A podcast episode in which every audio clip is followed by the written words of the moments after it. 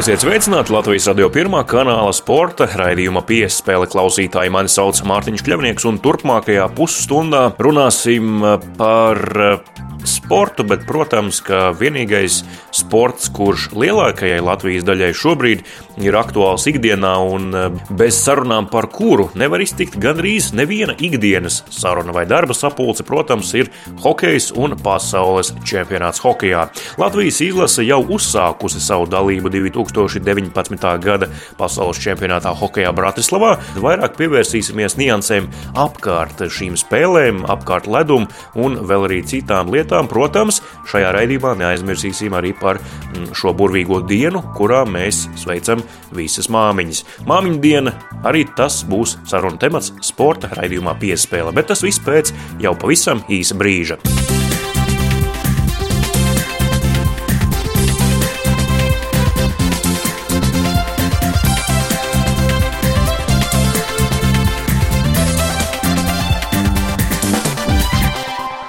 Latvijas hokeja izlase uzsākusi pasaules čempionātu Bratislavā. Pirmais mačs bija jau vakardien pret austriešiem.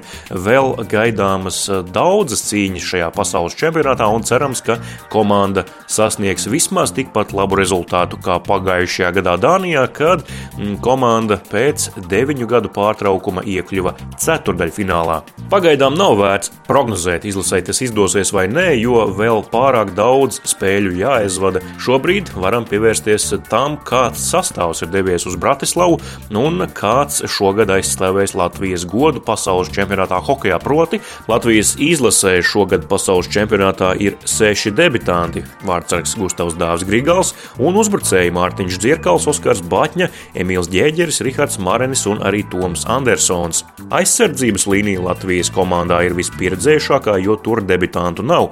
Savukārt Latvijas radio pirmā kanāla sporta raidījums piespēlē spēli uzrunāja divus no debitantiem, kuri spēlē uzbrukumā. Toms Andersons, kurš nesen triumfēja Šveices otrajā līgā un nākamgad spēlēs vienā komandā Šveices augstākajā līgā kopā ar vārdu sargu Ivaru Punenovu, un Rihards Marinis, kuram aizvadītā sezona vispār kopumā bija tikai pirmā profesionālajā hokeja pārstāvot Mogo un Rīgas Dienāmo komandas. Vispirms saruna ar Tomu Andersonu. Mēs ar Viesturu Kozjolku runājām, ka vienam laime, vienam nelaime, nu, kas param Dauga viņam savainojums. Mēs spriedām, ka droši vien, ka tu jau arī biji viens no tiem, starp kuriem treneriem bija jāizšķiras, brauks vai nebrauks uz čempionātu. Droši vien sajūtas patīkams, ka tomēr tu esi tajā, kurš brauks uz Bratislavu. Nu, jā, ir īstenībā divpusējas sajūtas, jo kā gribēju, jā, uz to čempionu priecīgs, protams, tā ir iespēja, bet no otras puses Kaspars Dārgājs ir nu, mūsu līderis, kapteinis. Jā. Tāds divējādi sajūta. Tu pēc gadiem neesi tas jaunākais komandā, bet uh, tu būsi debitants. Kā jūtas? Uh, Pietiekami pieredzējis spēlētājs, bet tomēr debitanta pozīcijās. Es domāju, man tā karjera vis tāda lēnāk attīstās nekā citiem. Varbūt. Es tagad tikai parakstīju augstāko līgas, man bija mērķis jau pēc junioriem. Arī tagad esmu tik, ticis tik tālu arī ar izlases. To pieredzi esmu dabūjis. Un, protams, debija ir debija visam pirmā reize, bet domāju, ka jābūt visam kārtībā. Kas tev bērnībā bija pasaules čempionāts hokeja? Tu sēdēji pie televizora, jūti līdzi Latvijas izlasē. Kā, kādi bija tie pavasari? Protams, tā, tāda arī bija. Sēdēju jūti līdzi. Man sanāca būt arī, atceros, 2006. gadu, kad Rīgā bija čempionāts. Tā mums treneris Girts Udrs spēja norganizēt, ka mēs tīrījām ledu tur vēl mazie būdam. Un jā, skatījāmies jau tādus lieliem un tā kā sapņu piepildījumus. Tu biji arī Latvijas kanādas spēlēs starp ledus tīrītājiem. Tieši tur arī bija un nopelnīja savus pirmos 10 eiro ledus. tur leģendas klīst, ka dažs labs esot 40 latus pat savāds. Jā, nu naudas summa sanāca diezgan liela. Mēs tur sadalījām visu uz četriem un tad sanāca katram pa desmit kaut kādu. Varbūt kāds ielika kabatā. Tur būt tajā spēlē, nu, tev bail nepalikt nevienā brīdī. Jānis Spruks pat īpaši uzrunu teica, lai skatītāji nomierinās. Tad jau Jānis neko tādu nesaprata. Tev viss likās forši, nu, ka cilvēki met kaut ko uz ledus un tā neaizdomājies. tad, kad šī saruna skanēs ēterā, tad būs svētdiena, tā būs māmiņa diena. Varbūt cik tev svarīgi ir bijuši abi droši vien no vecākiem tavā hokeja ceļā.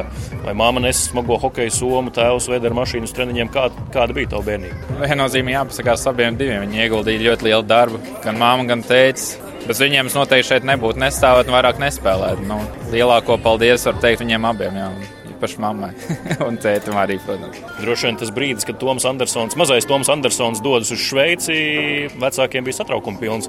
Vai tēvs bija atbalstošs mamma, tā, kur satraucas dēliņa, ko tu tur ēdīs, kā būs, vai kaut kā citāda sajūta viņam bija? Tā arī bija, kā tu saki ka tēvs tāds bija mierīgāk domājuši, māma vairāk satraucās. Jā, nezināja, kā būs. 15 gados tomēr palaid, palaid tālajā Šveicē. Tad, nu, bet viss izgā, izrādījās, ka ir, viss ceļš ir bijis pareizs. Nu. Treneris Bobs Kārtlīs, kāda tev ar viņu ir iespēja nometnes laikā iegūt? Protams, Bobs ir uh, liels meistars. Viņš iegūst gan Stanley kausu, gan Šveices kausu. Bijis Raga Gāriņa kausa finālā izzinājis hokeju līdz, deta, nu, līdz sīkumiem. Viņš zina, redz visas detaļas, pie kā viss arī apstādina. Kā pa katru sīkumu viņš apstāsies un pieksīsies. Viņš nelaidīs garām, ja to iespēju.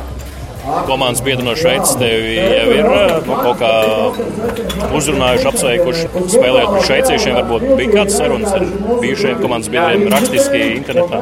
Ir, jā, gan arī uz spēli bija atbraukuši, gan arī rakstiski. Televīzija arī rādīja, kā visi uzrakstīja. Nu, priecājās jau visi. Nav bieži sastopams, ka no otrās Šveices līnijas kāda pasaules izlase.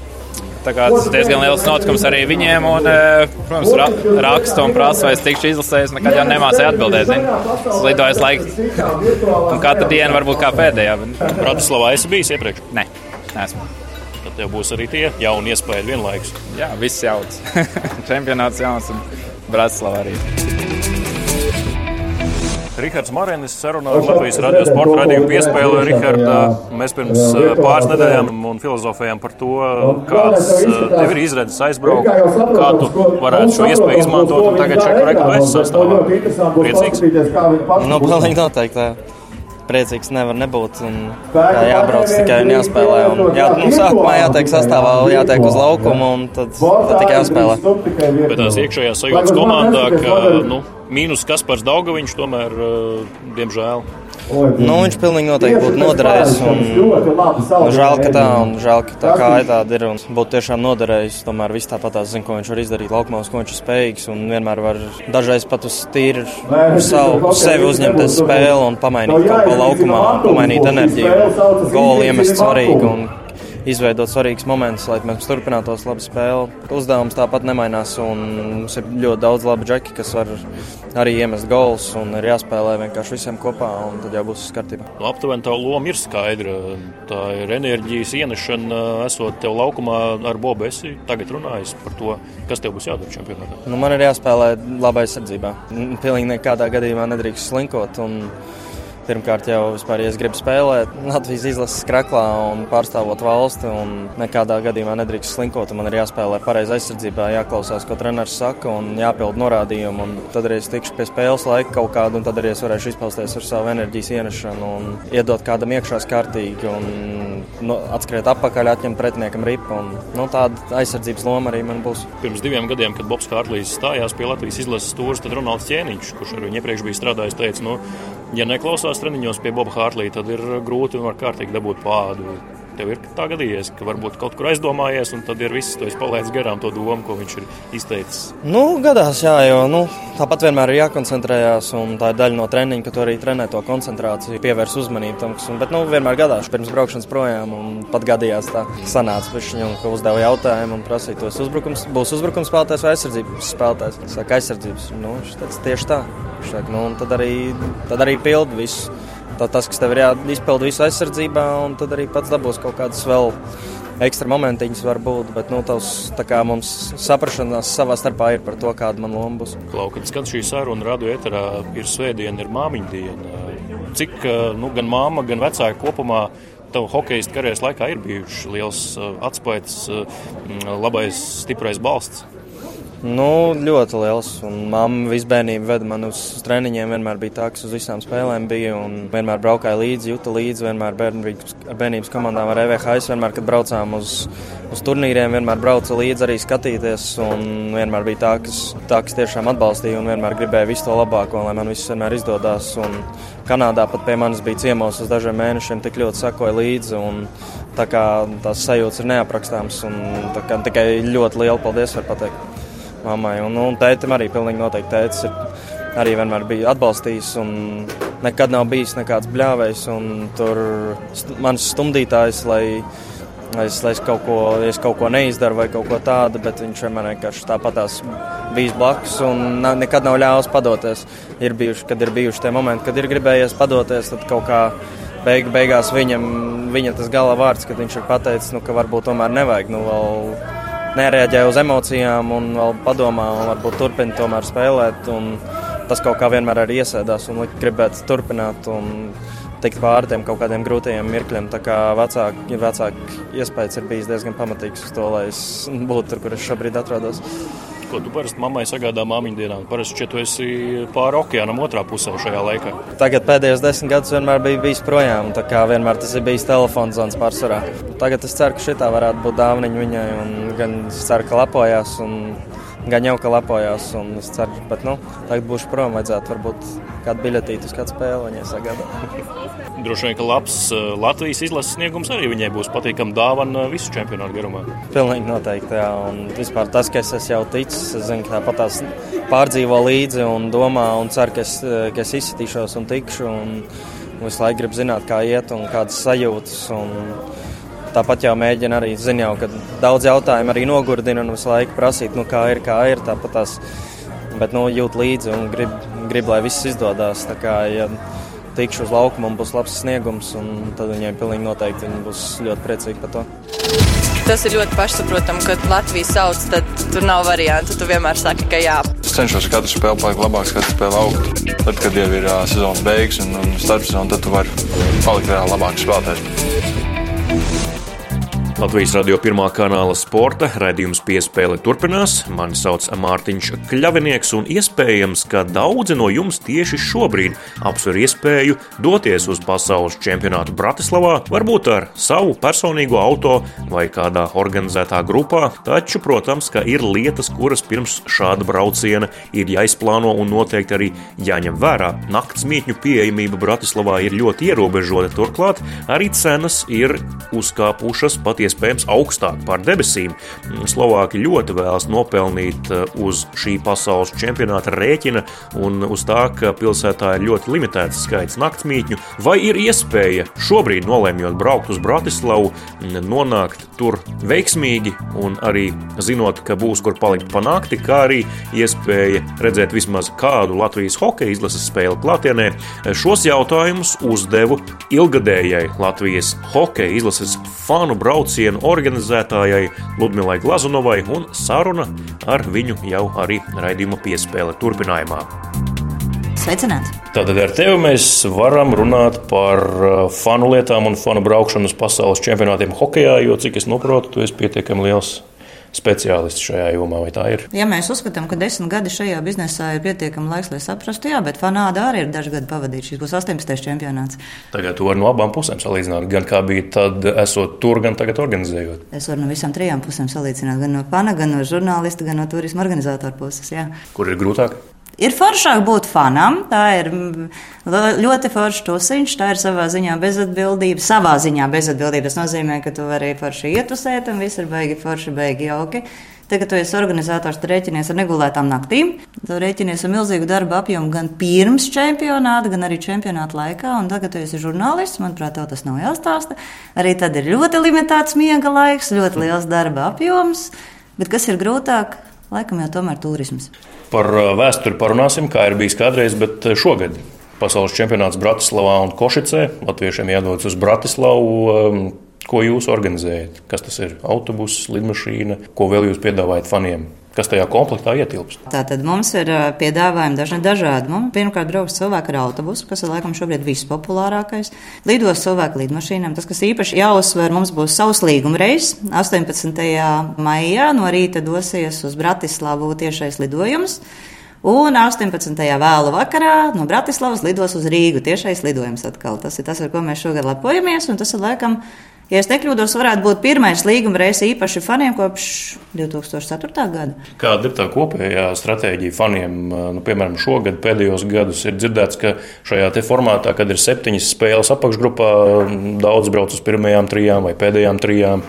Kā tur īsti ir? Kas ir tas populārākais, populārākā izvēle? Vai vispār viss turnīrs ir tas pieprasītākais? Uz visu turnīru droši vien, ka aizbraukt var tikai īpaši izturīgie. Un teiksim, tā finansiāli neatkarīgie cilvēki. Šis īpatsvars, kas brauc uz visām septiņām spēlēm, ir ļoti neliels. Popularitātes pīķis kopš vēstures laikiem ir pirmās trīs spēles. Tas tā ir, tas tā būs un laikam mūžam paliksies. Jā. Neatkarīgi no pretiniekiem, pirmās trīs spēles vienmēr ir populārākās. Kā tas ir salīdzinājumā ar pēdējiem gadiem? Tā aktivitāte tīri tā uzmetot acī pēc sajūtām lielāka, tāda pati? Aktivitāte, ja mēs salīdzinām ar Dāniju, noteikti ir stipri lielāka, bet te faktors ir, te ir vairāk faktori. Viens no šiem faktoriem ir Latvijas izlasniegums, kas katru gadu uzlabojās. Nākamā lieta ir valsts dārdzība. Vienmēr ir šķits, ka Slovākija ir salīdzinoši lēta zeme. Kā mēs labi zinām, īsti čempionāta laikā tas neatbilst patiesībai, bet tik un tā cilvēkiem apziņā ir. Viņi bija pagājušajā gadā ļoti daudz Dāniju izlaidē dārdzības, tad šogad viņi ir saņēmušies un brauc uz Slovākiju. Tad, ja mēs salīdzinām ar pagājušo gadu, nu noteikti reiz trīs tā aktivitāte ir. Tā pašā laikā līdz aktivitātei, kāda bija 2014. gadā Minskā vai 2001. gadā Ķelnē. Te pašā 2000. gadā Sanktpēterburgā nu, laikam nebūs vēl tik drīz. Kādēļ? Tas ir tādēļ, ka daudzi mm. izvēlas paši braukt, un šo statistiku jūs neredzat, vai varbūt kopējā interese ir kritusies par šādiem braucieniem? Pirmkārt, jau ir tas, ka ar katru gadu čempionāts paliek aizvien dārgāks un dārgāks prieks. Cilvēki brīžiem sēž aprēķina, jā, ka viņš par to naudu, viņš viens aizbrauc nofanot pa Latvijas izlasi var būtībā visu ģimeni aizvest atpūsties uz nedēļu uz Grieķiju. Fani ir izauguši, fani ir kļuvuši vecāki, faniem ir ģimenes, faniem ir bērni, nu jau arī mazbērni, ir arī citas prasības pret dzīvi, un ne visi var atļauties veltīt uh, savam vaļaspriekam tik daudz laika un arī finanšu resursu, kā tas varbūt bija iepriekš. Tāds uh, fans, kurš vēlas aizbraukt uz Bratislavu, varbūt ar savu auto, ar vēl kādu draugu, draudzeni, kompānijā, ne tādā lielā barā, bet nu, tādā mazā organizētā grupā, mm, kas viņam ir jāņem vērā braucot uz eh, Bratislavu šogad? Tātad numur viens, kas būs ļoti, ļoti, ļoti jutīs visi tie, kas dosies savām privātajām automašīnām, nenāja pa ceļa nodokļiem, kas būs jāmaksā viņietas, kas ir jāpērk, būs pati Bratislava. Proti arēna, Andreja Nepela vārdā nosauktā arēna atrodas blīvi apbūvētā vietā, un nopirkot automašīnu un autobusu tūmā nevarēs. Oro komiteja par to ir padomājusi ir norādītas stāvvietas, respektīvi, argumentēji iesaka automašīnas parkot pie lielajiem iepirkšanās centriem, atstāt tur un ar sabiedrisko transportu doties uz arēnu.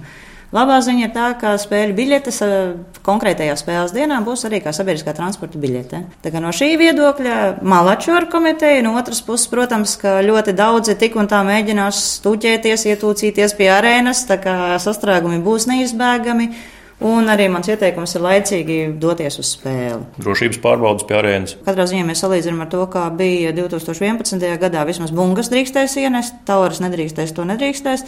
Uh, ir ierobežoti karogu kāti, kas arī dzen var aizņemt varbūt ilgāku laiku, kamēr tur visus mērīs, pārmērīs un paskatīsies. Mans ieteikums būtu vismaz 45 minūtes pirms spēles sākuma pie arēnas, lai būtu droši, ka tiešām redzēji, no, vari nodziedāt uh, himnu, vari būt uh, tribīnēs jau pie iesildīšanās. Tu minēji jau par to it kā lēto Bratislavu, kas tomēr droši vien nebūs nemaz tik lēta.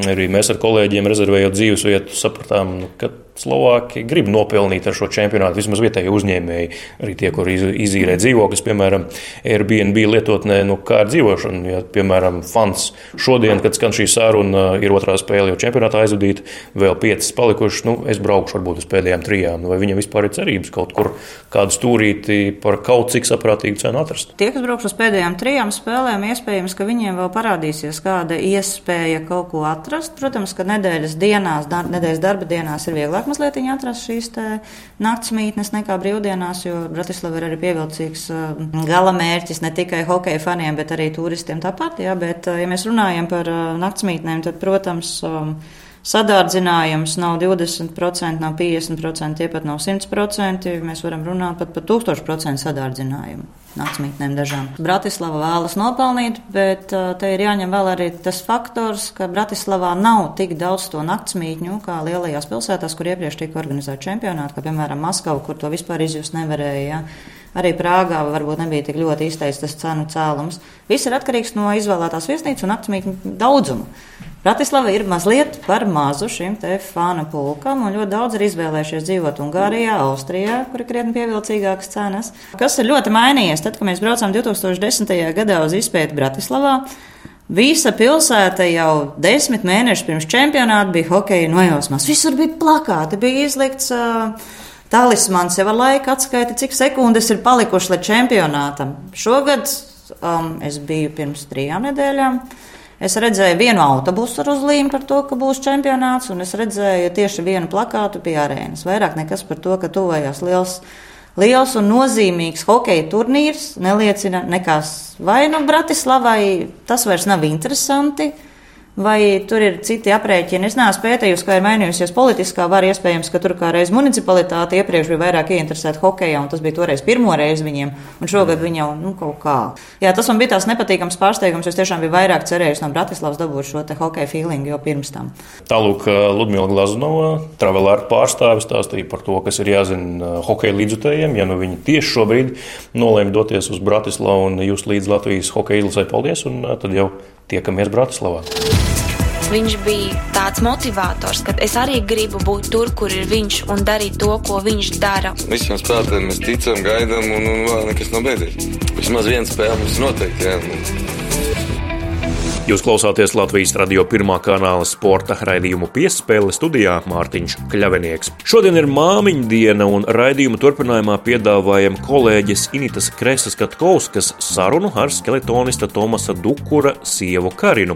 Tomas bija pirmais no abiem brāļiem Dukuriem, kurš uzsāka savas profesionālās sportista gaitas. Vecākā brāļa lomu un ieguldījumu vairākās intervijās uzsvēris arī jaunākais brālis Mārtiņš Dukurs. Pasaules čempionāta bronzas medaļas ieguvējs, vairāk kārtējs Eiropas čempionātu sudraba un bronzas laureāts, četru olimpisko spēļu dalībnieks, Tomas ir arī divu dēlu tēvs. Vecākais no viņiem nesen kļuva par Šveices vicečempionu hokeja. Sarunu ar Karinu Makari, Tomasa Dukura sievu, klausieties piespēles turpinājumā. Pasaules hokeja čempionāta sakarā es varu arī jūs apsveikt kā māmiņu, hokeistam, kas ir kļuvis par um, Šveices vicečempionu. Tā ir? Jā, tas gan tā ir. Tā ir prieks par to liels. Dēlam 17. Nē, tikko palika 16. 6. maijā 16. Mēs jau teicām, ka būtu izcili, ja pēc dažiem gadiem gan um, Prūša dēls būtu izlasē, gan Dukura dēls būtu izlasē. Hokejs tas ir tas vienojošais, laikam, kas ir tas vīru sporta veids, pēc kā viss tiecās jā, nu, cerams redzēt, eh, spēlējot labos sastāvos, gan Latvijas, zem Latvijas vārdas, gan arī zem citām valstīm varbūt tās. Nu, komandās. Droši vien jāuzsver arī tas, ka jūs pati spēlējat hokeju. Un pirms dažiem gadiem Dainis Dukurs man atklāja šo noslēpumu, un man likās, ka Latvijā nemaz tik daudz to sieviešu, kas spēlē hokeju, nav. Es nevaru teikt, ka es spēlēju hokeju. Es mēģinu trenēties hokeja, mēģināju kādu brīdi, jo pavilka mazliet tas, ka dēls visu laiku spēlē, viņš bija jāvizina un, un uz Rīgas uz treniņiem. Un mums pašiem pie mājas ir dīķis, kur mēs arī uzvelkam tās slides un paspēlējam. Hokejs ir tāds, kur nu, pārskrienot vienreiz pāri tai halē, tas tā piekus kā nevienā citā sporta veidā. Nu, tā mēs tur draudzenītēm braukājām uz to hokeju, bet nu, pagaidām tas ir likts malā dēļ traumas, bet uh, kad viss būs labi, gan jau, kad darīs atkal. Dēls Darels ar šo interesanto vārdu Šveicē spēlē. Es saprotu, ka jūs arī esat aktīvi gan klātienes skatītāji, gan neklātienes. Ja? Cenšos, cenšos ļoti būt aktīvi ar klātieni. Nu, kas ir viņa eh, sportiskais? Vai tas ir tas tēva mierīgums vai azarts uzvarēt līdz, līdz galam, līdz virsotnē? Kā jūs jūtat? Nu, viņš nav tēva mierīgais viennozīmīgi. Nē, viņš ir tāds mazliet tā kā driģenis sāēdies visu laiku, jābūt tādā kustībā un, un mērķiecīgs. Es domāju, ka ir tāds sāpju arī, ja viņam ir tas mērķis, tad tas sāpes tur paliek otrā plānā. Kapātais, teiksim, latviski.